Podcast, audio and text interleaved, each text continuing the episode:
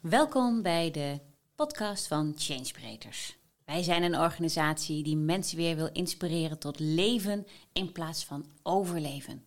Dat doen we door retraites in binnen- en in buitenland en door verschillende programma's aan te bieden. Zoals bijvoorbeeld Female Touch voor vrouwen, door vrouwen, de totaliteit van vrouw zijn. Maar ook vernieuwend integraal coachen, waarbij jij zelf als collega, medewerker, hulpverlener weer echt leert hoe je anderen anders kunt inspireren. En zo zijn er nog een heel aantal te noemen. Wij gaan in elk geval verschillende podcasts voor je opnemen, zodat je weer meer van ons kunt leren en weten en hopelijk geïnspireerd wordt.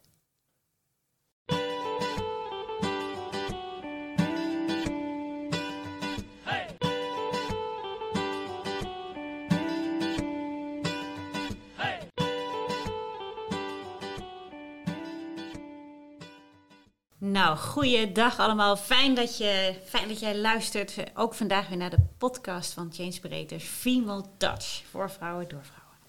En uh, we hebben de vorige keer uh, gesproken over de bullshit detector, over voelen. En met name in de opvoeding. En eigenlijk is dat zo'n geweldig mooi onderwerp. Beide onderwerpen zijn fantastisch. Opvoeding, maar zeker ook uh, dat, dat voelen en, en vertrouwen op wat je voelt. Dus Sonja en Cindy en ik dachten, daar gaan we gewoon nog een keertje op door. Um, om de stemmen goed te herkennen voor degenen die vooral de podcast luisteren, eventjes uh, Sonja. Hallo, ik ben Sonja. Hoi, Cindy. En ik ben Lonnie. Dus uh, nou, we gaan vandaag verder op het uh, ontzettend mooie onderwerp gevoel. Want we hebben de vorige keer geconstateerd, wij vrouwen zijn van het gevoel. En als we daar zitten, dan weten we eigenlijk al veel meer dan we willen toegeven. En erop vertrouwen, dat is nog wel een dingetje, want dat hebben we niet echt geleerd. En in de opvoeding lijkt het dan, hè, als je kleine kinderen hebt, lijkt het dan op een gegeven moment als het ware vanzelf te gaan. Maar stiekem is het nog steeds een worstelingetje. Want waar focus je nu op? Nou, als je kijkt buiten de opvoeding, als je kijkt naar werk bijvoorbeeld, kun je ook uh, voorbeelden zien in je eigen leven dat het anders gaat als je vertrouwt op wat je voelt. In plaats van wat je alleen maar vindt dat je moet of moet voelen. Sonja, jij had daar een, een goed voorbeeld van, zei je. Ja, toen ik uh, nou, alweer acht jaar geleden zat ik, had ik geen werk. Zat ik in de WW, ziektewet, ik weet niet meer. In ieder geval, ik was op zoek naar werk, drie dagen bij voorkeur. Uh, overal uh, of te hoog opgeleid of uh, niet de richting. Of, en ik zag het echt, echt helemaal niet meer zitten. Ik had echt zoiets, ik vind nooit een baan, het komt echt nooit meer goed. En nou ja, echt ja. Een, alle drama wat... en dan ineens zie je iets voorbij komen en ja, je weet gewoon dat dat is mijn baan. Dat, dat, dat is het. En ik ben gaan bellen, hele leuke gesprekken gehad. En twee weken later was ik aan het werk. Ja. Maar dat, dat, dat ja, je zit echt in een dieptepunt. En je, je bent echt een hele drama aan het... Uh, ja, je voelt eigenlijk niet meer. Totdat je zo'n iets voorbij ziet komen. En in een split second weet je dat dat is het. Ja. Dat, dat, dat ja. En dan drop je het drama. Ja, dat was tegelijk af en ik ben gelijk gaan bellen. En uh, ja, twee ja. weken later ben ik daar ook begonnen. Het, het, ging allemaal ook ineens heel snel. Ja. Dat, ja. Dat, maar je weet ook op zo'n moment, dat is echt gewoon, ja, dat is het. Ja, ja, ja super goed voorbeeld. Dat, dat je het zelf ziet, dat je het zelf weet en, en je dropt letterlijk het drama. Je houdt op ja. met de kramp. Ja. Ja, ik, ik zie het zelf heel veel in de gesprekken die ik mag voeren mm. nu met mensen. En uh, ik heb bijvoorbeeld gesprekken, uh, want ik vind het ook altijd nog wel van spannend van wat, wie ze ga ik zien en wat ga ik dan doen, weet je wel. Nou, moet ik loslaten, want anders gaat het geheim verkeerd. Uh, en ik had laatst een mevrouw en die zat, zat op, een, op een mooie positie ook binnen de multinational. En, en, en zij kijkt mij zo aan zo en ik denk, nou, ik leg even uit, we gaan gewoon aan de slag. En ze zegt, ja, ja, misschien wel goed om te weten. Uh, ik zit al, al meer dan vanaf mijn vijftiende, dus echt al wel een aantal jaren bij de psychiater. Ik denk, oké. Als ik ga nadenken, wat natuurlijk ook door mijn hoofd flitst, denk ik, nou, dit gaat hem dan niet worden. Dit wordt, dit wordt een gesprek, dat kan ik gewoon niet al 15, vanaf de vijftiende. En dan ga, kom ik, weet je wel. Dus uh, ik denk, oké, ik zeg, nou, kun je er wat meer over vertellen? En ze zegt, ja, ik heb uh, plakker uh, dit en ik heb plakker dat. Weet je, noem alle nare dingen. En, en die had ze ja, veel neurose en nou, depressies en weet ik het. En ik dacht, holy moly. Hoe dan? Toen deed ik hetzelfde wat jij deed. Ik dacht, ik drop het. ik, daar ga ik niet in mee. Dus ik zei letterlijk tegen haar, zei, nou weet je, al die stickers, dus stickers tot op de wazoo, daar gaan we, dat doe ik niet aan. Ik ben hier voor jou. En op dat moment zet ik letterlijk alles open en voel je daar gewoon wie daar echt zit. En het simpele feit, alleen al dat we daar tegelijkertijd afspraken van we gaan het helemaal niet meer hebben over die stickers. Fuck de stickers. Hmm. Maar we gaan het hebben over jou als mens en over wat wij hier samen te doen hebben. Maakte al dat je, dat, dat je drie stappen verder was dan überhaupt aan het begin waar een meisje zit dat denkt, oh mijn hemel, ik ben, ik, ik ben niet waardig, want dit, dit gaat nooit lukken. Ze was, ze was al die stickers. Ze was al die stickers. Ja. Ze was al die stickers. Ja. En nou, het duurde uh, een, een, een, we hebben een, ik heb meestal maar een gesprek van een uur, uh, krijg ik de mhm. tijd voor. En, en in dat uur hebben we al echt al heel veel eh, kunnen zien. Ik zeg echt we, want ik weet het ook niet. Dus ik ga gewoon, hè, we hebben een gesprek, dus ik ga met haar de diepte in. En, en daarin ehm, ziet ze wat ze doet. Dat is mooi. Dus je ziet zelf van een beetje waar we het de vorige keer over hadden. Ik verkramp over dingen. En als ik verkramp, dan voel ik niet. Dat voelt niet goed. En dus moet ik mijn hoofd, echt letterlijk hoe haar neurose vertaald werd. Ja, ja. Daar moet ik mijn hoofd uh, moet ik stil gaan houden. Dus dan ga ik maar heel veel spelletjes spelen. Of ik ga zes keer de deur dicht doen om zeker weten dat die dicht is. Weet ja, je? Dat, je voelt, je wil niet voelen. Dus doe je iets met je hoofd. Nou, daar, daar gingen we doorheen. Het was heel helder. Prachtig helder. Ik denk, wauw. Uh, en oké, helder is dan prachtig, maar dan moet je nog wel weten wie zit er dan onder. Dus nou, we, bleven even en een paar weken eroverheen zie ik er weer. We gaan weer de diepte in en ze ziet wie ze is, wie ze werkelijk is. Haar, wat wij noemen lichtruimte. En het was zonneklaar. Zij, haar lichtruimte was prachtig. En misschien herkennen we die ook wel. Zij vertelde uh, wanneer ze helemaal niet dat, dat die druk had van ik moet iets doen wanneer al die gevoelens, want ze is eigenlijk super gevoelig natuurlijk, helemaal oké waren. Uh, dat moment wat ze toen had, wat ze beschreef, was dat ze in de zee zat, in de branding. En het was uh, net een beetje, de zon was een beetje aan het ondergaan. Dus ze zat zeg maar in zo'n zo'n mooi schemaachtige, nog steeds lekker warm en ergens mooi warm land.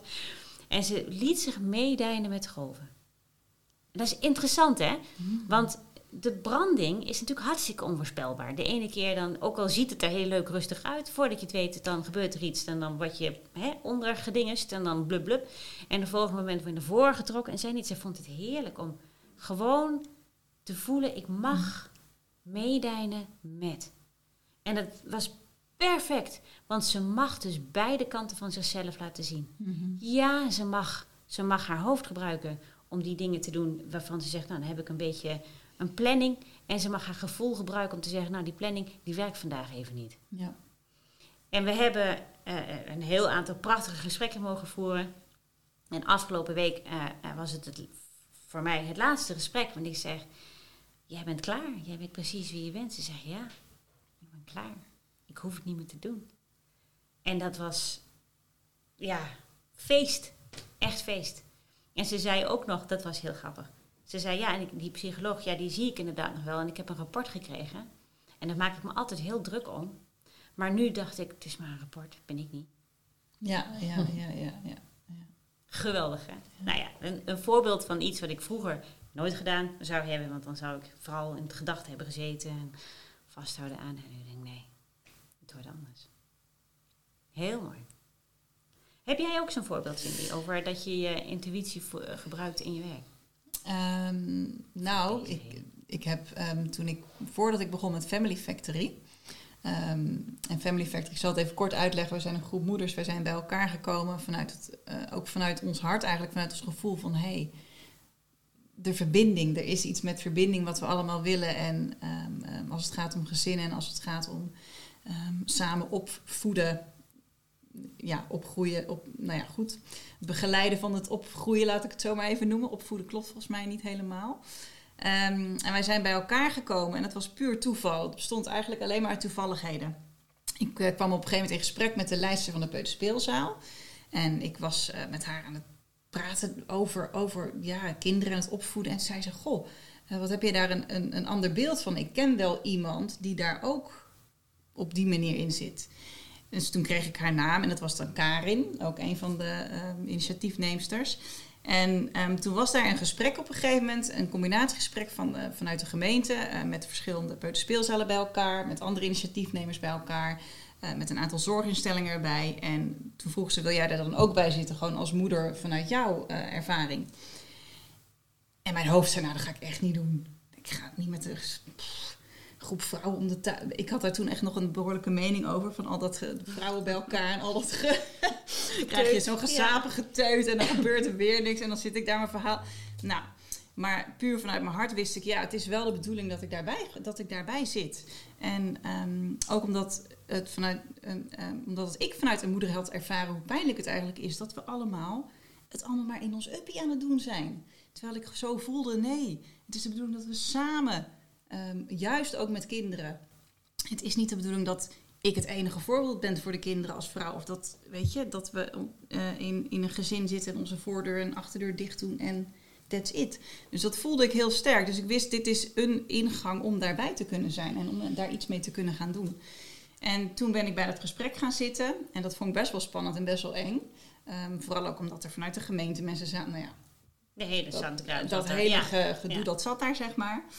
Um, en um, toen um, kwam ik voor het eerst ook met Karen in gesprek. En wij hadden meteen zo'n enorme uh, klik. klik, diepgaander dan dat, dat we dat allebei voelden en wisten. En daar ook over zagen in appen van wow, wat is dit? Wat, en dat we wisten, dit moeten we samen gaan onderzoeken. En eigenlijk is zo Family Factory gestart. Toen kwamen we dus met twee andere moeders ook in contact, ook weer via via, puur toeval.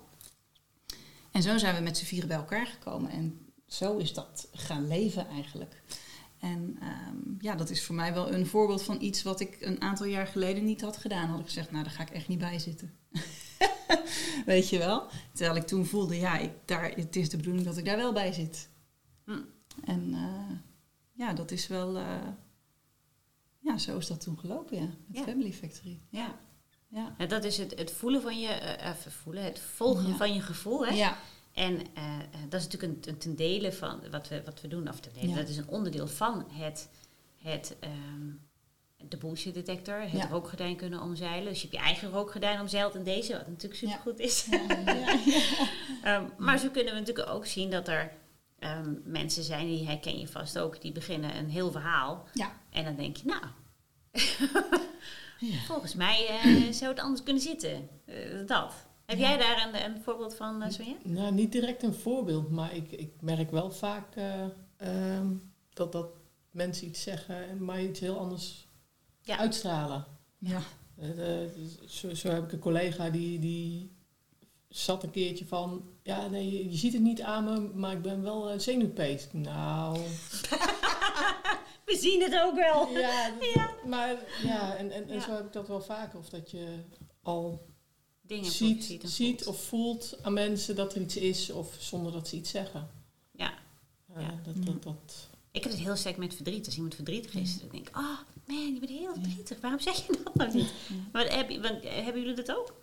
Verdriet, bepaalde verdriet boosheid. Of, boos, ja? Ja, ook.